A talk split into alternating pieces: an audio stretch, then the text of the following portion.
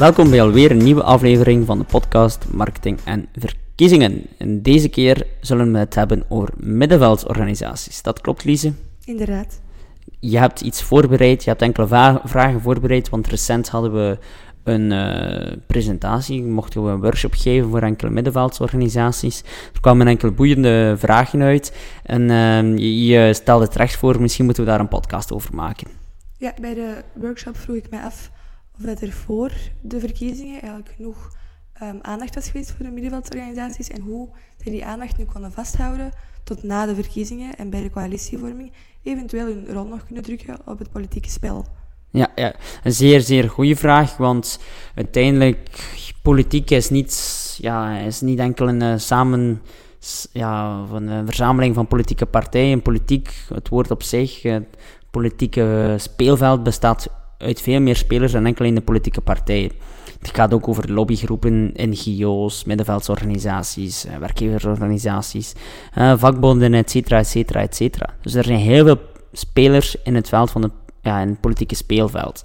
En iedereen heeft hun invloed, de een al meer dan een ander, maar iedereen probeert wel invloed te hebben. Hè. Dat is uiteindelijk het belangrijkste binnen die politieke context, is invloed hebben. En, niet, en sommige middenveldsorganisaties denken dat onze maatschappij richting A moet, anderen denken dat het richting B moet, maar iedereen probeert het toch naar zijn richting te krijgen. En daarvoor, ja, vroeger werd dat vooral gedaan een stukje achter de schermen of, of via de traditionele media. Dus via pers en politiek. Maar vandaag hebben we eigenlijk nog een ander kanaal of andere kanalen. Dat zijn eigenlijk de digitale media. Want als je vroeger de publiek opinie probeerde te beïnvloeden of wilde proberen te beïnvloeden, dan moest je al ja, voornamelijk via de traditionele media gaan. Dus persjournalisten, uh, persactie, persacties. En ja, de politici die, die luisteren zullen dat misschien iets minder graag horen of zullen dat misschien ontkennen, maar uiteindelijk, als je invloed wilt hebben, dan moet je op zich niet, zo, niet alleen de politicus of politica overtuigen, maar dan moet je ook de publieke opinie overtuigen. Want als je de publieke opinie overtuigt, de massa overtuigt, de kiezer, heel belangrijk, de kiezer overtuigt, dan kan je, heb je natuurlijk veel meer eh, gewicht in de weegschaal om ook de politici te overtuigen. Dus uiteindelijk, enerzijds hebben we het public affairs gedeelte, het, public, het politiek gelobby gedeelte, maar anderzijds heb je ook het publiek opinie gedeelte. Dus uh, naast de traditionele pers hebben we nu ook de sociale media. En dat is iets waar ik denk dat middenveldsorganisaties misschien nog te weinig, onder, uh, te weinig serieus nemen. Dat is nog een beetje onderschatten.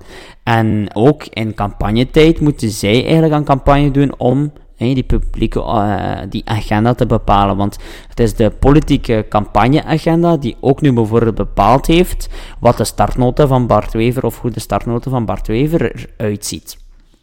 Dus hoe, hoe meer invloed je hebt op die publieke opinie, hoe meer invloed je ook hebt op het politiek, ja, politiek, uh, politiek werk. En um, dat gaat niet alleen voor de verkiezingen, maar dat geldt ook na de verkiezingen. We hebben ook enkele weken lang um, klimaatmars gehad, van Youth for Climate bijvoorbeeld, als middenveldsorganisatie. Hadden zij dan later actie moeten ondernemen? Hadden zij pas actie moeten ondernemen tijdens de coalitievorming? Sowieso denk ik dat, um, ja, dat misschien de, de, klimaatbeweging iets te vroeg gepiekt heeft. Dus, um, ja, dat, dat, zal verder onderzoek moeten uitwijzen. Maar um, het is wel zo dat, dat een campagne voor een middenveldorganisatie niet mag stoppen na de dag van de, na de verkiezing, na verkiezingsdag. Want uiteindelijk, ja, het mag wel een weekje of twee weken stoppen hoor, na verkiezingsdag, maar moment waar we nu in zitten, we zijn nu eind augustus, begin september, het moment waar we nu in zitten, de coalitievorming. En nu, hebben, nu heeft uh, Bart Wever bekendgemaakt dat hij onder leiding van Jan-Jan Bon graag een coalitie zou willen maken met CD&V, N-VA en Open VLD. Ja, het is nu dat, het, dat er onderhandeld wordt over de partij, over het bestuursakkoorden.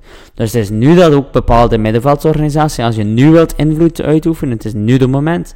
En uh, met nu de juist gerichte actie kan je wel mee de politici laten uh, herinneren van, hela, hela, hela, uh, er moet hier wel even aan ons gedacht worden, er moet, moet hier wel even aandacht worden aangegeven.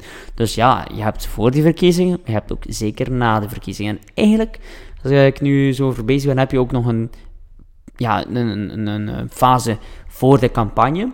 En dat is eigenlijk ja, het moment dat het de partijen hun campagneprogramma of hun programmapunten tijdens de campagne naar, voor, naar buiten brengen. Ook daarvoor moet je eigenlijk al het genodig public, of de nodige uh, ja, public affairs, gelobby toegepast hebben.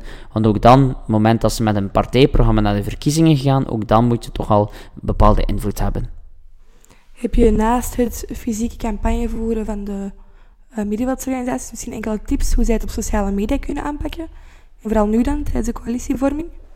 Ja, wat je nu zou moeten realiseren, wat veel makkelijker gezegd is dan gedaan, is eigenlijk een stukje viral marketing. Dat wil zeggen dat je met je bepaalde topics echt wel viraal moet kunnen gaan.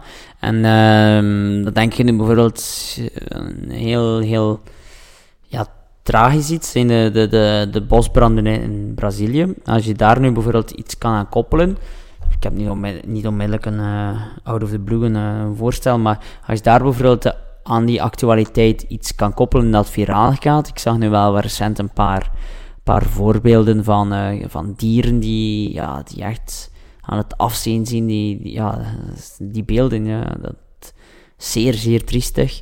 Als je daar bijvoorbeeld iets kan aan koppelen, dan, dan heb je zeker, zeker impact, heb je zeker invloed in de huidige coalitiegesprekken.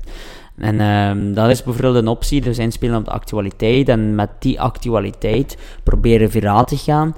Dat je, dat je, zodanig, dat je zodanig groot publiek bereikt dat je wel een bepaalde, bepaalde ketting in gang kan zetten. Dus dat is zeker iets ik kan aanraden. En dan natuurlijk mijn, mijn, mijn, ja, een van mijn belangrijkste punten dat ik al jaren zeg, is, uh, is uh, data, big data. Kijken wat, wat je doelpubliek, wat is je doelpubliek geïnteresseerd, wat is mogelijk, wat is wat is realistisch? Hoe kunnen we mensen overtuigen? Met welke content moeten we dat doen? En dat is, dat is zo cruciaal dat je daar...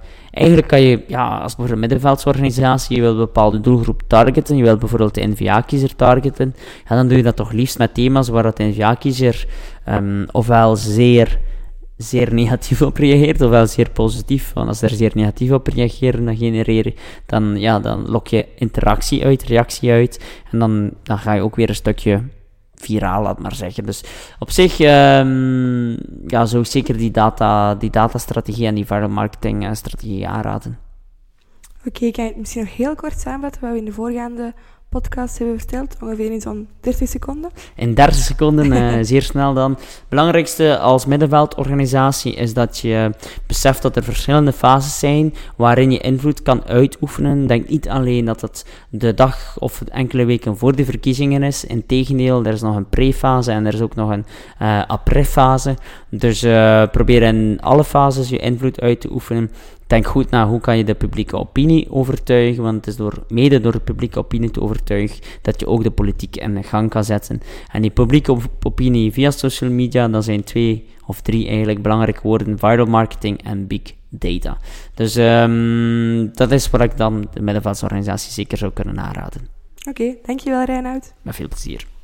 Ik hoop dat jullie het ook zo boeiend vonden. Als jullie nog meer informatie willen, neem dan dus zeker een kijkje op www.exposure.be. Ik deel er ook heel wat blogberichten over neuromarketing, sociale media en politieke communicatie.